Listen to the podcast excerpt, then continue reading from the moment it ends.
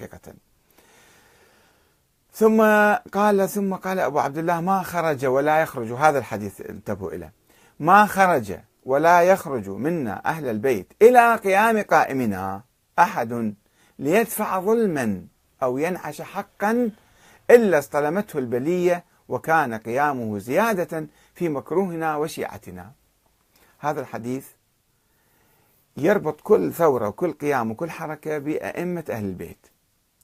ويخدر الناس بعد ذلك أنه ما يجوز واحد يقوم بأي حركة لأنه سوف تنتهي إلى مآسي.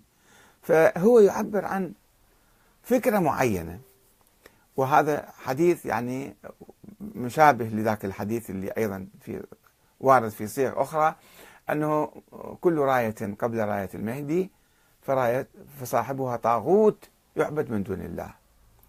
ليش؟ هذا الفكر الآن الشيعة تخلوا عنه. ما أعتقد أحد يؤمن بهذا الكلام. وإلا شوف الحركات اللي الثورية القائمة في كل مكان. فهذا الحديث تجاوزناه لأنه الآن الشيعة لا يؤمنون به. آه، وهو أشك أنه موضوع على الإمام الصادق. آه، المهم نجي على دعاء الثغور. دعاء الثغور هذا العجيب الغريب. اللهم افلل هذا فقرات من عنده. الدعاء رقم 27 من 54 دعاء المذكور. اللهم افلل بذلك عدوهم. وأقلم عنهم أظفارهم وفرق بينهم وبين أسلحتهم واخلع وثائق أفئدتهم خوفهم يعني وباعد بينهم وبين أزودتهم تعامل هذا وحيرهم في سبلهم وظللهم عن وجههم واقطع عنهم البدد وانقص منهم العدد واملأ أفئدتهم بالرعب واقبض أيديهم عن البسط هاي أعداء طيب. وأخزم ألسنتهم عن النطق وشرد بهم من خلفهم. ونكل بهم من وراءهم واقطع بخزيهم أطماع من بعدهم. اللهم عقم أرحام نسائهم. شايف هذا الدعاء؟ شايفين النبي محمد يدعو بهكذا أدعية مثلا. اللهم عقم أرحام نسائهم ويبس أصلاب رجالهم واقطع نسل دوابهم وأنعامهم حتى البقر والغنم والجمال هذا موتها كلها. لا تأذن لسمائهم في قطر. حتى الأطفال شنو يشربون ماي. لا ماي لا تنزل آه، الماء عليهم. لا تأذن لسمائهم في قطر ولا لأرضهم في نبات. الله هذا مثل القنبلة النووية يعني. اللهم وقوي بذلك محال لأهل الإسلام وحصن به ديارهم وثمر به أموالهم وفرغهم عن محاربتهم لعبادتك ومنابذتهم وعن منابذتهم للخلوة بك. حتى لا يعبد في بقاع الأرض غيرك ولا تعفر لأحد منهم جبهة دونك.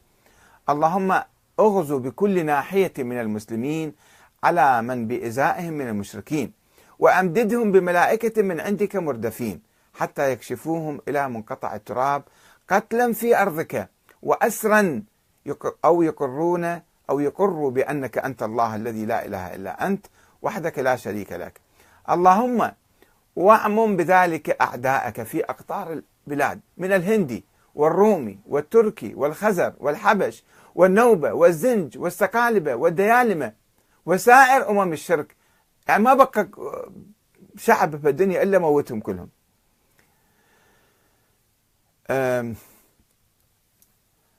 وسائر أمم الشرك الذي تخفى أسماءهم وصفاتهم حتى اللي ما نعرفهم ما تموتهم كلهم. وقد أحصيتهم بمعرفتك وأشرفت عليهم بقدرتك. اللهم أشغل المشركين بالمشركين عن تناول أطراف المسلمين وخذهم بالنقص عن تنقصهم وثبتهم بالفرقة عن الاحتشاد عليهم. اللهم أخلي قلوبهم من الأمنة وأبدانهم من القوة وأذهل قلوبهم عن الاحتيال وأوهن أركانهم عن منازلة الرجال وجبنهم عن مقارعة الأبطال. وابعث عليهم جندا من ملائكتك ببأس من بأسك كفعلك يوم بدر تقطع به دابرهم وتحصد به شوكتهم وتفرق به عددهم. اللهم وامزج مياههم بالوباء وأطعمتهم بالأدواء وارمي بلادهم بالخسوف وألح عليها بالقذوف وأفرغها وأفرعها بالمحول بالفقر يعني بالقحط. واجعل ميرهم في أحص أرضك وأبعدها عنهم. وامنع حصونها منهم أصبهم بالجوع المقيم والسقم الأليم. يعني شوفوا دعاء مملوء كراهية وعداوة وبغضاء لكل البشرية. بحجة ماذا أن نريد يعبدون الله؟ طيب يعبدوا الله بال... الله يهديهم. الله جعلك أن تدعو على الناس بهذه الصورة وهم لم يقاتلوك ولم يهاجموك وإنما أنت اللي قاعد تهاجم. أنتم في الأمويين في زمن الأمويين. هذا الدعاء أنا ما أنفيه عن الإمام السجاد ولا أثبته ولا أقدر أقول هذا فعلا صدر عن الإمام السجاد. لا أعلم. أتوقف فيه وما أعتبره. أنا ما أخذ فيه بالحقيقة ولا أدعو به هذا الدعاء. طيب